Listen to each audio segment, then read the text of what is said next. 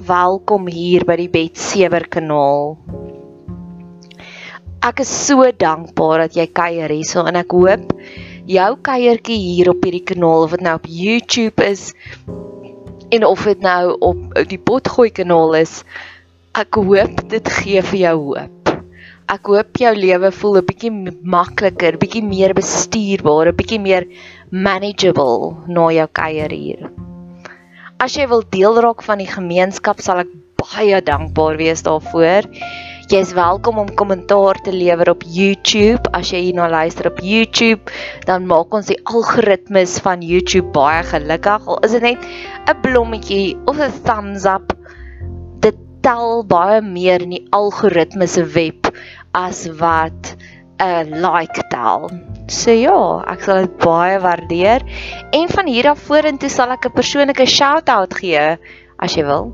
As jy nie wil nie, is dit ook oukei. Okay vir mense wat kommentaar gelewer het. So kom kuier gerus weer. As jy dalk wil 'n finansiële bydrae maak, is jy baie welkom om ook vir my met ons kontak te maak. Ek sal dit so baie waardeer.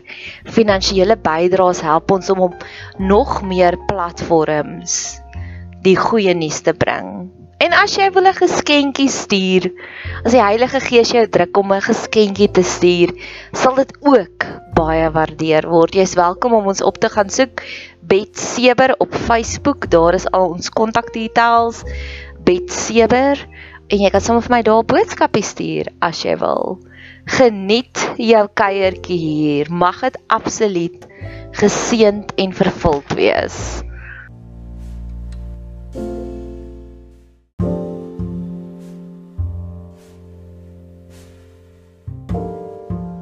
die woordeboek van duistere hartseer. So ek wil ek wil spesifiek want dis baie verskillende golden nuggets oor vriendskappe, oor verhoudings. En ek het twee mense in my lewe wat ek weet wat bitterlik eensaam is. Maar die rede daarvoor is omdat hulle nog nooit geleer het dat 'n verhouding, 'n vriendskap is give and take nie. Jy gee 'n bietjie van jouself en dan kry jy 'n bietjie van jouself terug. En ons ander mense vir wie dit so natuurlik kom. En ek weet hierdie twee in week besonder stink. 3. Eintlik het ek 'n lang lys. En ek wil graag vra dat die Here hulle sal leer van vriendskappe. Want ek wil nie hê hulle moet alleen en eensaam deur die wêreld gaan nie.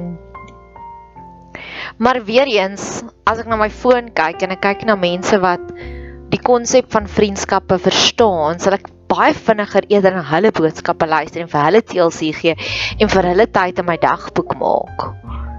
En veral in 'n tyd soos hierdie waar ons energie is beperk, ons kapasiteit is beperk. Natuurlik sal ons eerder tyd spandeer met die mense wat ons liefdesstentjie ook vol maak. Maar ek wil graag hê hulle moet daai geheim leer ken. Goed. So, in hierdie een dis lekker maklik is. Meantime.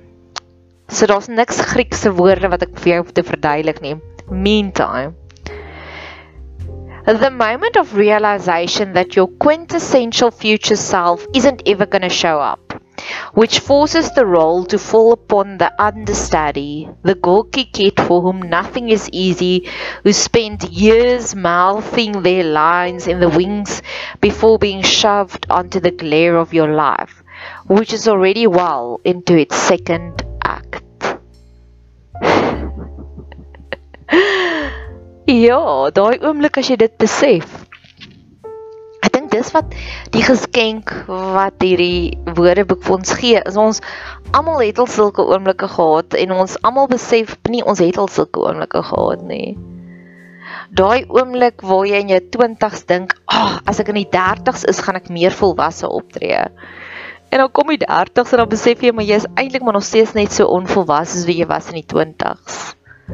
Ons is almal nog kinders. Ons nie een van ons het dit uitgefigure nie ek dink se baie aan die liedjie wat ek gister herontdek het van Adele Easy on Me waar sy sê sy was nog 'n kind toe sy so opgetree het. En ek dink ons almal is maar nog kinders. My een vriendin sê die oomblik sy's 'n ma van 4, die oomblik toe haar oudste gearriveer het, dink sy, oh, "Ek is nog 'n kind en nou moet ek 'n kind grootmaak." Ons almal het sulke oomblikke.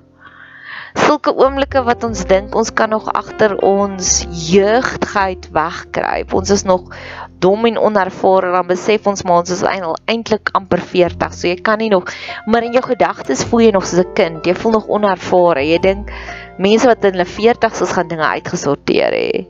En dan besef jy dan kom jy by 40 en dan is dit so oopsie. Meantime, dis daardie oomblikke wat jy besef jy is nou nie meer 'n kind nie. Jy is veronderstel om die antwoord te weet. Maar eintlik weet jy nog net steeds net so min wat jy geweet het die dag toe jy uitgestap het by daai skoolhekke nadat jy jou laaste matriek eksamen geskryf het.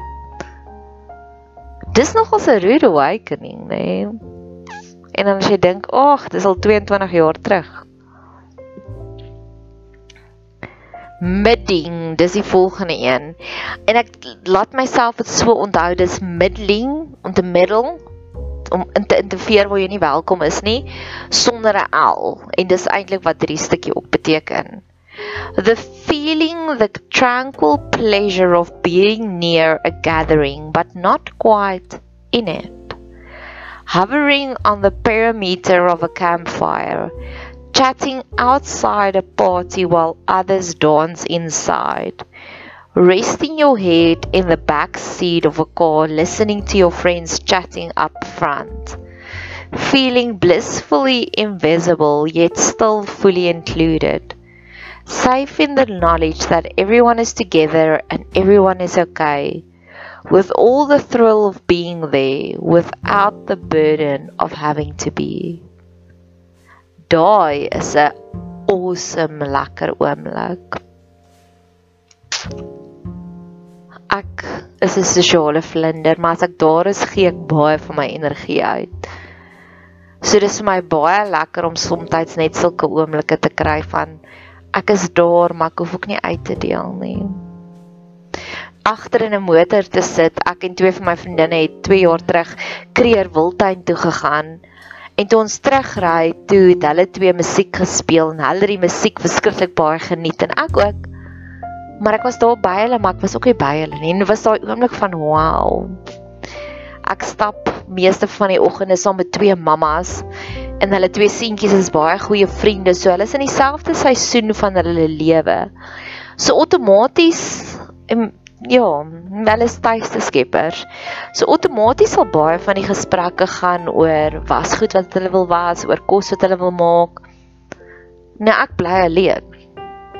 So ek eet waarskynlik die heel week hoender en ertjies. So ek beplan nie maaltye nie. Ek ja, beplan een keer 'n week om altyd dan koop ek genoeg om 'n heel week daarvan te eet. So dis daai oomblikke van ons gaan stap. Ek word geïnspireer, maar ek hoef nie deel te neem nie. Ek hoef nie 'n aktiewe luisteraar te wees nie, want ek is 'n baie attentive luisteraar.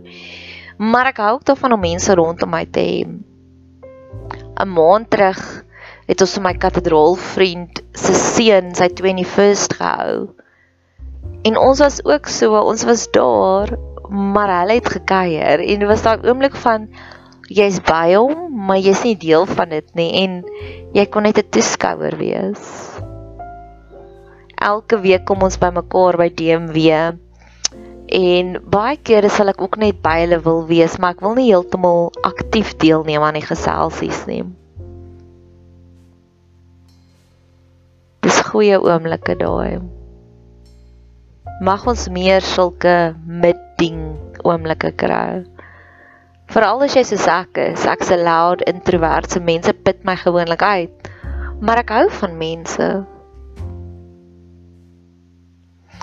Ek dink daar's 'n oomblik van release, 'n oomblik van surrender ook daarin.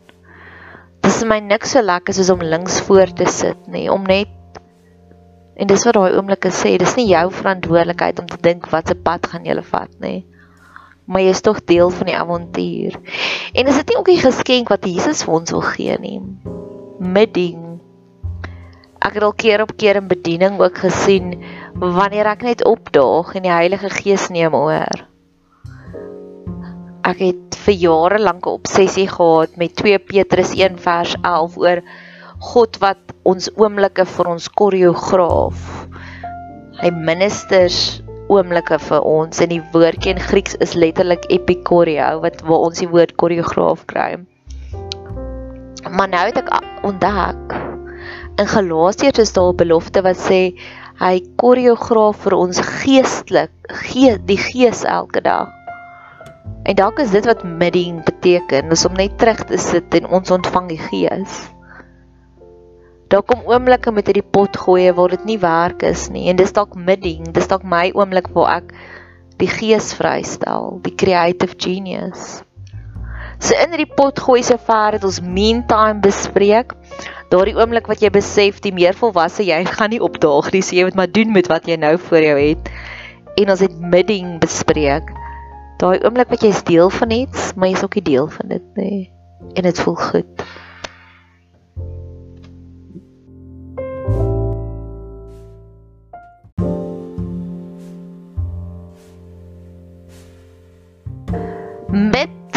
Midsummer, dis ook 'n oulike een. A feast celebrated on the day of your 26th birthday, which marks the point at which your youth finally expires as a valued valid excuse when you must begin harvesting your crops, even if they are barely taking out taken root, and the point at which the days will become to feel shorter as they pass, until even the pollen in the air reminds you of the common, coming snow. Dink John Koenig het op hierdie stadium nogals bietjie van 'n ouderdomskrisis gehad wat hy want sy vorige een was Meantime wat jy besef het okay die meer volwasse een gaan nie opdaag nie. En Midsummer waar jy nou besef okay as jy 26 word kan jy nou nie meer jou jeug gebruik as 'n voorbeeld nie. As 'n verskoning nie Ek dink as mense diep dink aan dinge dis wanneer mense volwasse raak om te dink aan jou ouderdom, om te reflekteer daarop. Ek het nog 'n ding met tyd. Soos ek tel die weke van die jaar, ons is nou in week 42, so daar's letterlik offisieel net nog 10 weke oor van 2021. Ek hou van tyd. Tyd is my goeie baken en ek dink John Koenig het baie na ouderdom gekyk ook. As ons bewus is van ons ouderdom, soos ek word volgende jaar 40 en die veranderinge my. En baie mense gaan net blindelings daardeur soos ek het agtergekom ek huil baie makliker baie makliker. Ek het downtown Abbey gekyk en ek het daar begin huil oor iets. Iemand stuur net 'n mooi boodskap en dan wil ek huil oor iets. En soos ek hierdie geskenk aangegee het vir ander mense, het hulle almal gesê o, ek ook. Ja, Midsummer.